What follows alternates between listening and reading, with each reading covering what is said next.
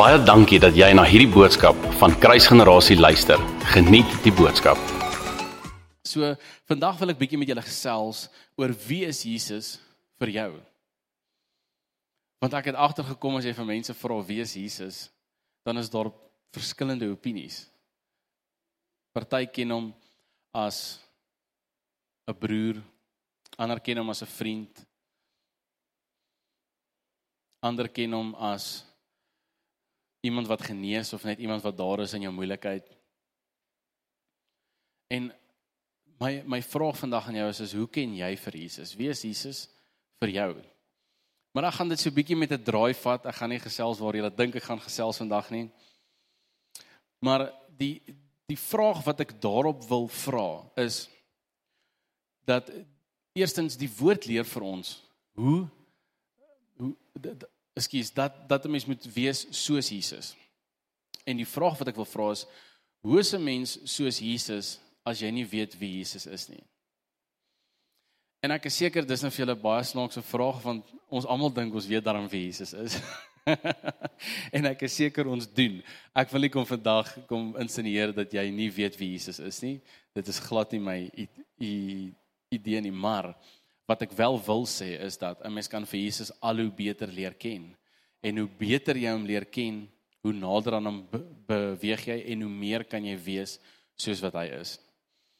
Die skrifvers wat ek vandag met julle wil deel is Matteus 16. So julle kan solank vir my blaai na Matteus 16.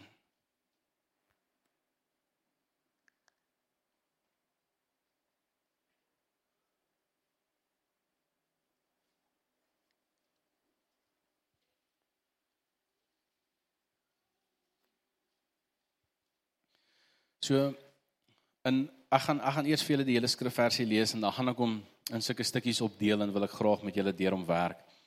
Matteus 16 um, vers 13 tot 18 gaan ons lees vandag. En toe Jesus in die streke van Caesarea Philippi kom, vra hy sy disippels en sê: "Wie sê die mense dat ek, die seun van die mens is?" Met ander woorde, wie sê hulle is ek? En hulle antwoord: Sommige Johannes die Doper en sommige Elia en ander Jeremia of een of ander of skus of een van die profete. En hy sê vir julle: Ag skus vir hulle. Maar julle, wie sê julle is ek? En Simon Petrus antwoord en sê: U is die Christus, die seun van die lewende God. Toe antwoord Jesus: en sê vir hom: "Salig is jy, Simon Barjona, want vlees en bloed het dit nie aan jou geopenbaar nie, maar my Vader wat in die hemele is.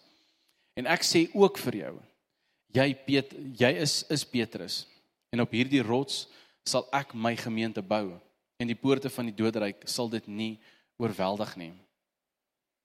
So hier hier binne is 'n paar goedjies wat ek wil aanraak. 'n paar goedjies waarby ek wil stil staan en soos ek vroeër gesê het, ek gaan met 'n hele draai gaan. Maar want want daartussenin is nog iets wat die Here wou so graag gehad het ek moet met julle deel. So dit is ook nog nog op op pad. Maar kom ons lees weer eens deur hierdie stuk in Matteus 16 vers 13 tot tot 18 sodat ek bietjie met met julle kan deel wat in my hart is vanoggend. En toe Jesus in die streke van Caesarea Philippi kom, vra hy sy disippels en sê: "Wie sê die mense dat ek die seun van die mens is?" En hulle antwoord hom en hulle sê vir hom die volgende: "Sommige sê Johannes die Doper." Nou Johannes die Doper is al oorlede in Matteus 14. En sommige sê Elia. Elia is al in die Ou Testament opgeneem. Hy is nie meer daar nie. En ander Jeremia wat al in die Ou Testament oorlede is of een of ander van die profete en hulle verwys natuurlik hier na die Ou Testament dis 'n um profete toe. So alles alles waarna hulle verwys hierso, verwys terug. Hulle het 'n 'n 'n verwysingsraamwerk het al die mense want want kyk hier is nie wat die disippels sê is nie, hier is wat die mense sê is. So die mense het hierdie verwysingsraamwerk van die verlede van hoe dinge in die verlede gewerk het en hoe dinge gelyk het en daarvolgens raai hulle wie hierdie man kan wees. Want na na natuurlik moet die moet die disippels iets iets anders weet want hulle spandeer tyd met hom, reg? Maar ons gaan 'n bietjie later soontoe. So so daar was 'n 'n 'n verwagting by die mense van hoe die koning van konings moet lyk. Hulle het natuurlik gekyk na die konings van van daardie tyd en gedink sekerlik moet die koning van konings baie eiendom hê. En hy moet tog mooi klere dra, 'n hele leermag gaan voor hom uit be. En natuurlik sal die koning van konings nie sonder 'n woning rond beweeg nie. Dit was dit was buite hulle raamwerk van denke. Hulle het so gedink want dit is maar hoe dit nog altyd gewerk het.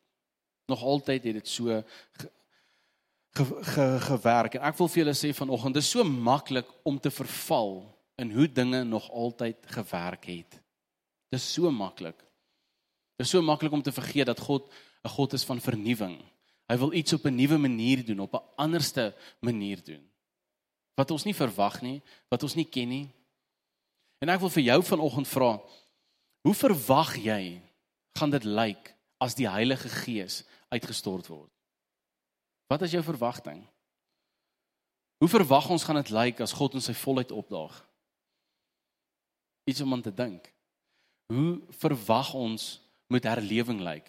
Herlewing wat geprofeteer is oor hierdie land. Hoe verwag ons moet dit lyk? En jy kan in hierdie laaste vraagie vashou. Ons gaan later weer bietjie na hom toe terugkom. Maar ons ons weet nie regtig hoe gaan herlewing lyk nie want ons het nie groot geword binne in 'n herlewing nie, binne in daardie raamwerk van dit nie. Maar ons het wel verwysings van her van ehm um, vorige her, herlewings wat in hierdie land gebeur het en wat in ander lande ge, ge, gebeur het. Maar wat gebeur is is hierdie verwysings kom besoedel ons verwagting daarmee sê ek nie dat 'n verwagting sleg is nie. Ek sê nie dat verwysings noodwendig sleg is nie. Maar ons is veronderstel om iets nuuts te ver, verwag. En wat nou gebeur is ons verwag wat op 'n ander plek of in 'n ander tyd gebeur het. En dis nie noodwendig wat God beplan nie. God het nuwe planne. Ons moenie ons moenie gaan op dit wat ons gehoor het en dit wat ons gesien het en daardie goed ehm um, vir verwag nie. Want wat wat dan gebeur is is ons maak ons gedagtes toe vir daardie hernuwing. Ons gedagtes is gerig op 'n op 'n sekere dingetjie. Hierdie spesifieke ding het met hulle gebeur. En as dit nie so gebeur nie, wanneer dit wanneer ons verwagting nie presies vervul word nie, ewe skielik dan glo ons nie. Dan glo ons nie want God het dit dan so gedoen en God het dit so gedoen. Hoekom sal hy dit nou kom anders doen? Ek kan vir jou sê hoekom, want hy's 'n God van van vernuwing. He takes us from glory to glory. Daar's die heeltyd vernuwing, daar's die heeltyd iets nuuts. Selfs die die ehm um, profete het Jesus en en die kruisiging voor voor voorspel. Maar toe Jesus kom en hy kom doen 'n nuwe ding, toe erken niemand hom nie. Selfs nadat Jesus vir hulle gesê het hy is die seun van God, het niemand hom steeds herken nie en het hulle hom steeds gekruisig. Dit was 'n nuwe ding, dit was ongewoon vir hulle en hulle het gedink maar dit kan tog nie reg wees nie. En ek wil die volgende verklaring ook maak. Terwyl jy besig is om dinge te doen, soos wat jy dit nog altyd gedoen het, kan jy dalk in die proses vir Jesus kruisig. Jesus wag nog net 'n bietjie aan die kruis.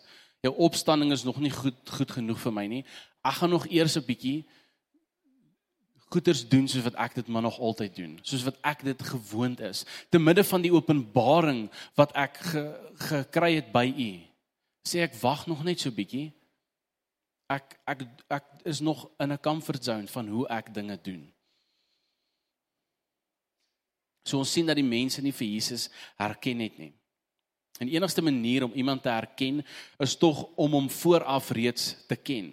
Jy kan nie iemand herken wat jy nie geken het nie. Jy kan nie wel ek ek ek moet sê ek dink ek het al gesien hoe dit gebeur dat iemand vir Piet aan Koos voorstel en dan groet hy vir Koos en dan ewe skielik sien hy wie dit is en hy sê o Koos Dis jy. En dan maar ek praat nie daarvan nie. Ek praat van as jy nog nooit iemand ontmoet het nie, gaan jy hom tog nie kan herken nie. Dan ontmoet jy hom ons vir die eerste keer. En wat ek wat ek daarop wil sê is is dat ons moet seker maak dat ons die God van nuwe dinge ken. Hierdie Jesus van nuwe dinge dat ons hom sal ken. Sodat wanneer daardie nuwe dinge opdaag, wanneer God opdaag met sy nuwe werke, dat ons dit sal kan herken as die werke van God. En dit nie net afskryf nie. Dit nie net een een kant toe gooi nie. Want wanneer ons dit mis, dan is ons op 'n plek waar ons waar ons eintlik nie meer luister na wat God vir ons sê nie. Waar ons dan nou eintlik vir God wil begin sê, hoe moet dinge gebeur en hoe moet ons goeders doen? En dit is nie dit is nie ons ons plek nie. Wie's ons om om vir God te sê hoe om hoe om dinge te um, doen? Ehm um, wat hy moet doen, hoe hy dit dit dit moet doen, maar ons kan by God gaan hoor. Ons kan by God gaan hoor en in lyn kom met wat God wil doen. En wanneer dit gebeur, dan mis ons dit nie. Want God hou daarvan om nuwe dinge te doen wat buite ons ons raamwerk is. Kyk wat het in die woestyn gebeur met die is, Israeliete. Ons sien ewe skielik daarso water uit 'n klip uit. Ons sien manna uit die lug uit. Ons sien 'n wolkkolom bedags en 'n vuurkolom snags. Alles nuwe goed wat hulle nie geken het nie. En hierdie sluit my so mooi aan by Jesaja 43. As jy wil blaai na Jesaja 43 toe. Ek gaan nou weer terugkom na ehm um, Matteus toe. Maar eers gaan ons bietjie na Jesaja 43 vers 15 tot 19.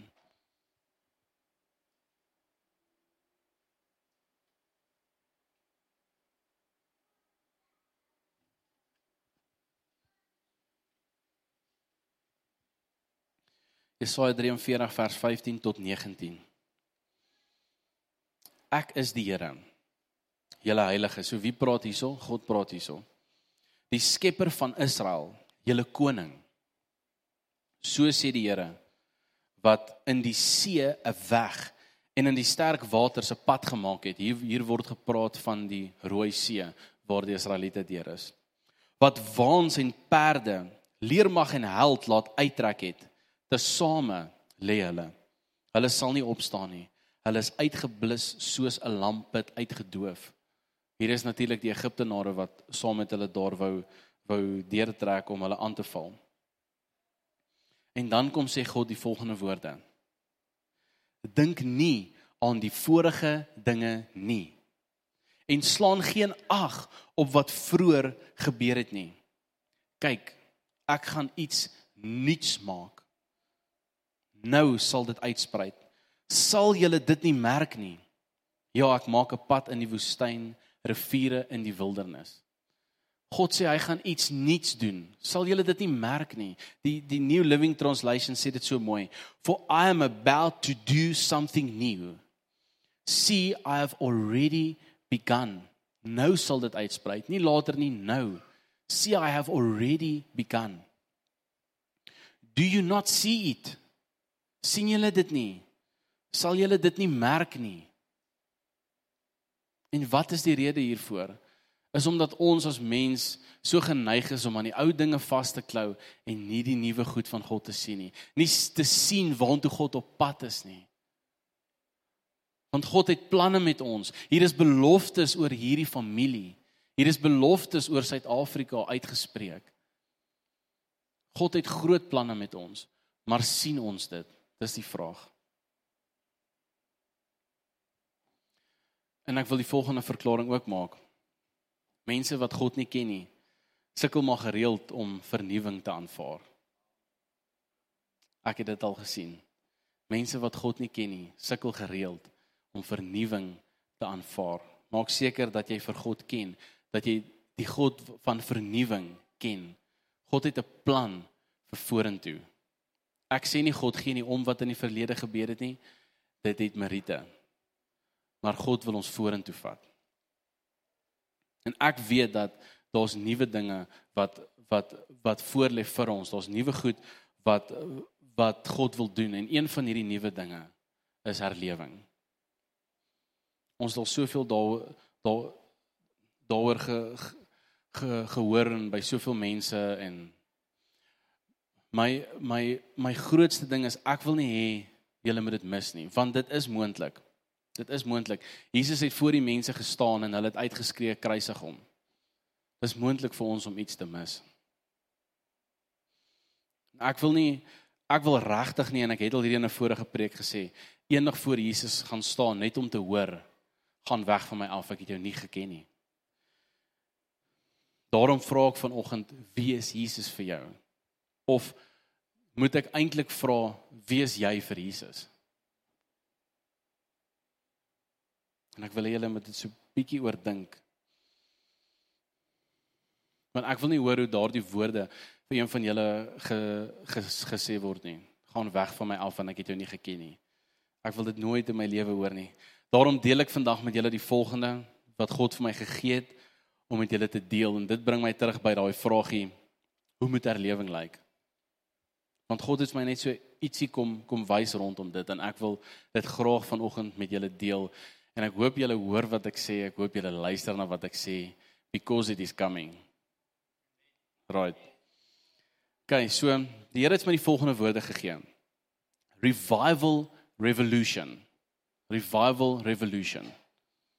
Of in Afrikaans herlewing revolusie. En toe sê die Here vir my, gaan kyk bietjie wat is dit? Gaan kyk bietjie na die geskiedenis. Gaan kyk wat het gebeur. Wat is revolusie? En ek gaan kyk toe en die Here openbaar toe vir my so 'n paar goedjies daardeur.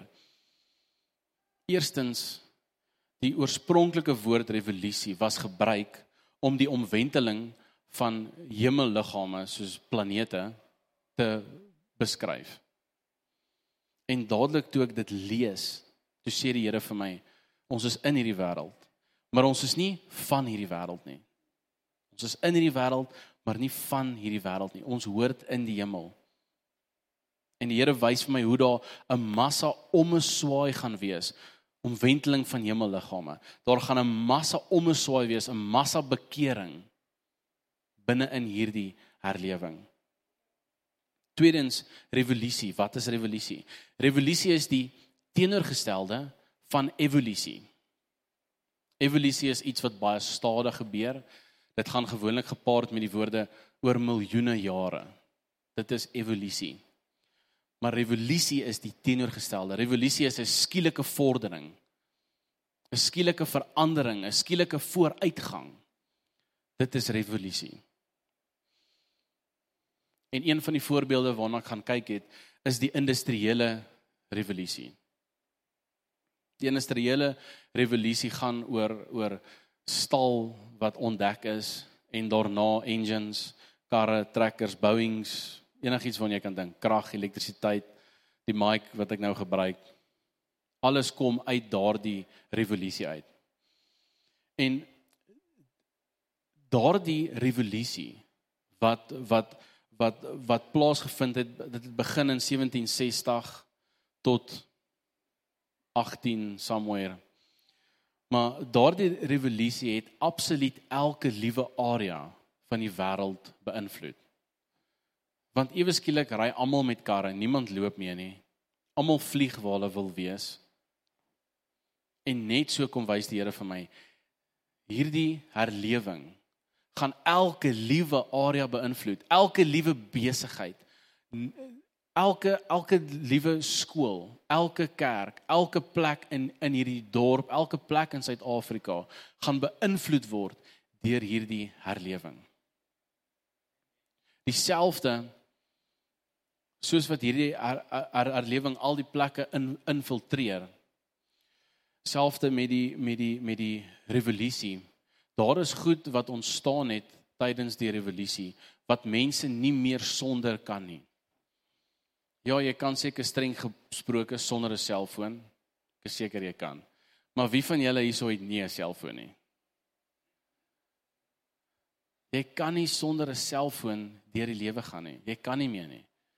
Jy het dit nodig.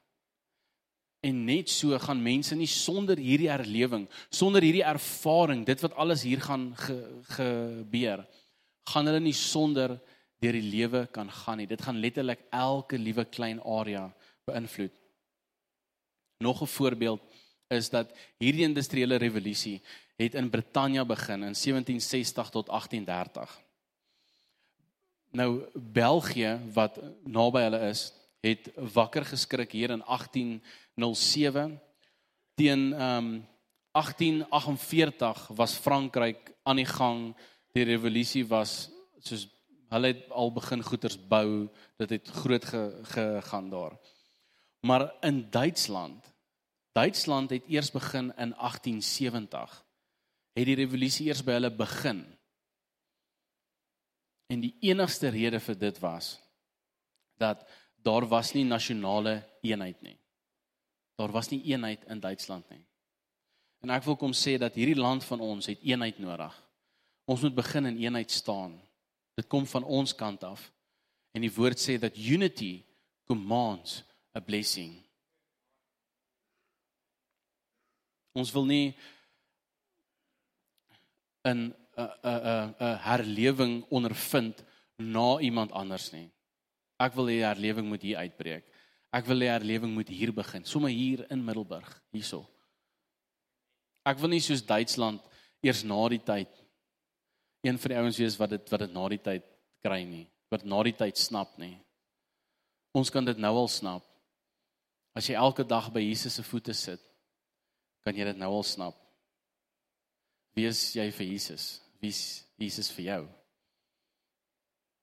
As ek so aan die aan die vir vir verlede dink en die geskiedenis, dan dink ek altyd aan my ouma grootjie.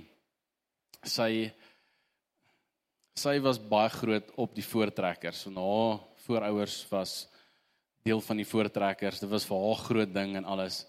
En ek weet baie van julle trek vandag nog saam op daai special dag en al daai goetertjies. Ek het niks teen dit nie. Maar as jy nou hawe omkrap, dan moet jy nou iets sê rondom die voortrekkers.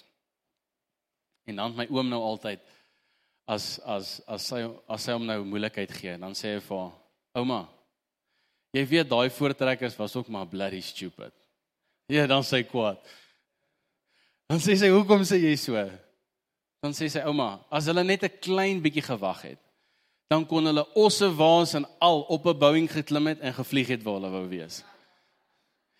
Kyk, dan is dan is my ouma grootjie dan nou vir jou omgekrap. Maar in elk geval, ek is nou ver van die storie af. Kom ons gaan terug Matteus 16. Ons lees verder in Matteus 16 waar Jesus toe nou met hulle praat. Hy sê vir hulle: "Maar julle Wie sê julle is ek? En die maar daarso sê vir ons dat Jesus soek nou 'n ander antwoord. Hy soek nie dieselfde antwoord nie. Hy verwag iets anders van hulle af want hulle sy disippels. Hulle spandeer tyd met hom. Hoeveel tyd spandeer jy met Jesus? As jy tyd saam met Jesus spandeer, gaan daar 'n verwagting wees dat jy iets nuuts weet, iets anders wees. Daar gaan 'n openbaring wees. En Simon Petrus antwoord en sê: "U is die Christus." Die seun van die lewende God. Toe antwoord Jesus en sê vir hom: Salig is jy Simon Barjona, want vlees en bloed het dit nie aan jou geopenbaar nie, maar my Vader wat in die hemel is. God het aan Simon Petrus hierdie openbaring gegee en God kan aan jou 'n openbaring gee. En dan sê hy en ek sê ook vir jou. Hoekom is daar 'n ook in? Want hier kom nog 'n openbaring. Wat beteken dit? Jesus kan ook vir jou 'n openbaring gee. En ek sê ook vir jou. Jy is Petrus en op hierdie rots sal ek my gemeente bou en die poorte van die doodryk sal dit nie oorweldig nie. Dit is so 'n groot openbaring dat Jesus die seun van die lewende God is. Dat die kerke op dit gebou gaan word. Die kerk ons gaan op dit gebou word. Alles wat ons glo, alles wat ons is, word op dit gebou. Daarom sê Psalm 118 vers 22: Die steen wat die bouers verwerp het, het 'n hoeksteen geword. En daarom vra ek: Wie is Jesus? En hier is die groot antwoord. Hy is die seun van die lewende God. So wie is Jesus vir jou? Is hy vir jou die hoeksteen van jou geloof? Die hoeksteen waarop die hele kerk gebou is. Daardie fondasie waarop jou geloof gebou is. Is hy vir jou die seun van die van die lewende God wat die hemel en die aarde geskape het? Wat altyd nuwe dinge doen met 'n klem op die woord nuwe. Ervaar jy vir Jesus as iemand wat vir jou nuwe openbaringe gee? Wat wil hê jy moet groei en vorder wat jou vat van glorie na glorie? Want dit is wie Jesus vir jou moet wees. Of is Jesus maar net iemand waarna jy uitreik in nood? Of is die regte vraag eintlik wie is jy vir Jesus? Kom ons sluit die oë. Here, wat 'n voorreg om te weet dat U die seun van die almagtige God is, die lewendige God. Here, ek kom bid dat U vir ons 'n openbaring bring van wie U is. Here, kom wys ons. Here, U het U Heilige Gees gestuur om ons te kom help. Here kom help ons om u skrif te verstaan. Here hoe meer openbaring ons het van wie u is, hoe beter sal ons u verstaan. En Here hoe beter sal ons u wil kan doen. Here ek bid dat ons 'n huis sal wees wat u wil sal doen, dat ons 'n huis sal wees wat u planne uitvoer, Here. En enigste manier om dit te doen is om u planne te ken En Here, ek bid dat ons u planne sal ken, dat ons u wees sal ken, dat dit aan ons bekend sal wees. Dat ons nie in die donker sal sal sal lewe nie, Here. U woord sê dat ons ons gaan ten gronde as gevolg van 'n gebrek aan kennis. Maar Here, u kan vir ons kennis bring. U kan kennis aan ons gee. U kan vir ons wys wat u wil doen en wat u planne is. Here, ek kom bid dat u vir ons daardie openbaring stuur dat ons sal verstaan wanneer u praat en in daardie rigting sal trek, Here, dat ons almal in een rigting sal trek en nie teen mekaar sal sal trek nie. Here, ek kom bid vir eenheid in hierdie huis. Ek kom bid vir eenheid in hierdie land. Here, ons het soveel eenheid nodig. Because unity commands a blessing. Unity commands a blessing. Unity commands a blessing. And Lord, when we have unity, we can command a blessing. In the name of Jesus. In the name of Jesus. Dankie Here. Amen. Baie dankie dat jy na hierdie podcast geluister het. Indien jy die boodskap geniet het, deel hom asseblief met jou vriende.